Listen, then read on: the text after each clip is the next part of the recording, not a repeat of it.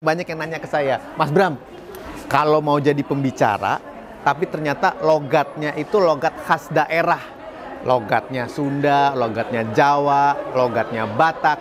Gimana caranya? Ya nggak apa-apa guys. kalau buat saya nih, kalau buat saya, saya termasuk orang yang selalu punya anggapan bahwa apa pun logatnya, asal kita punya karakter dan tahu yang dibicarakan, keren. Jadi jangan jadi pembicara yang kalau ngomong itu harus bahasa Indonesia yang baik dan benar. Ya memang ada event-event seperti itu ya. Tapi intinya sebenarnya ngomong apa aja dengan logat seperti apa aja itu menjadi karakter.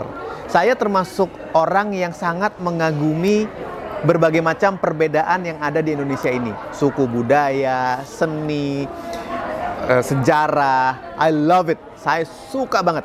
Jadi kalau ketemu orang yang ada karakter bicaranya ada logat Bataknya, ada logat Jawanya, Sundanya, Makassar, Maluku. Menurut saya menarik dan itu menjadi sebuah nilai jual dan itu menjadi sebuah karakter dan karakter harus dimiliki oleh setiap public speaker. Makanya kalau memang ngerasa kalau ngomong kok ada logat-logat yang nggak apa-apa nggak masalah kecuali ingin membawakan sebuah acara yang memang mengharuskan penggunaan bahasa Indonesia yang sangat baik dan sangat benar. Yang formil banget. Pembaca berita, acara resmi nasional yang mungkin logatnya harus dikurangi supaya tidak terlalu terdengar kedaerahannya. Tapi kalaupun sekali dua kali terdengar pelafalan dia dari orang tersebut, dari daerah tersebut, ya nggak apa-apa. Karena itu menjadi penambah keunikan dari pembicara tersebut. Tapi oke okay lah. Misalnya ada yang bilang, Mas Bram tetap saya maunya logat saya gak keluar logat Jawane gitu misalnya ya, misalnya ya. Gimana caranya supaya logat Jawane ini gak keluar dan orang-orang gak denger gitu misalnya. Kalau dulu saya belajarnya adalah membaca koran atau membaca majalah yang bahasanya itu baku banget. Masih ada yang baca koran? Masih ada yang baca majalah? ya oke okay lah, oke okay lah. Baca berita lah, baca berita dari portal nasional yang memang isinya itu bahasa baku banget. Kalau kita terbiasa membaca sesuatu yang baku, itu biasanya kita terbiasa dengan gaya bicara yang sangat Indonesia, sehingga pelafalannya pun akan baku. Karena tidak ada kata-kata tersebut dalam bahasa daerah. Jadi kita terbiasa mengucapkan kata-kata Indonesia yang memang nasional, jadi munculnya terdengarnya ya bahasa yang lebih baku.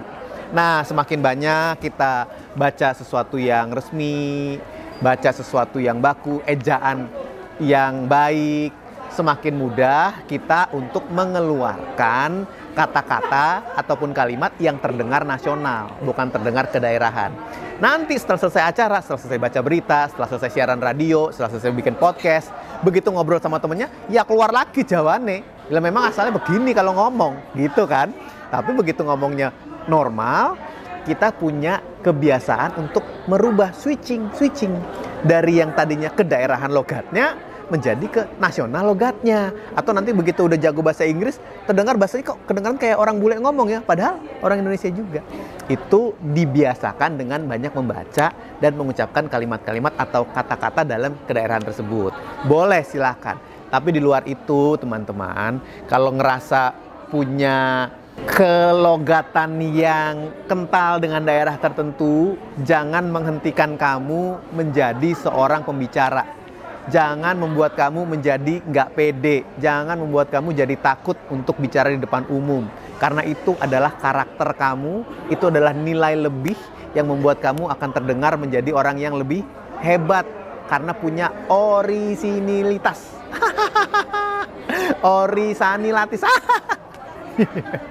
you are original. Kalau kamu merasa diri kamu adalah seperti itu dan kamu bangga dengan kemampuan kamu, gaya bicara kamu, kamu akan jadi pembicara yang hebat yang bisa membuat orang lain memerhatikan, yang bisa punya karakter. Dan pembicara yang punya karakter adalah pembicara yang lebih mudah untuk menjadi pusat perhatian.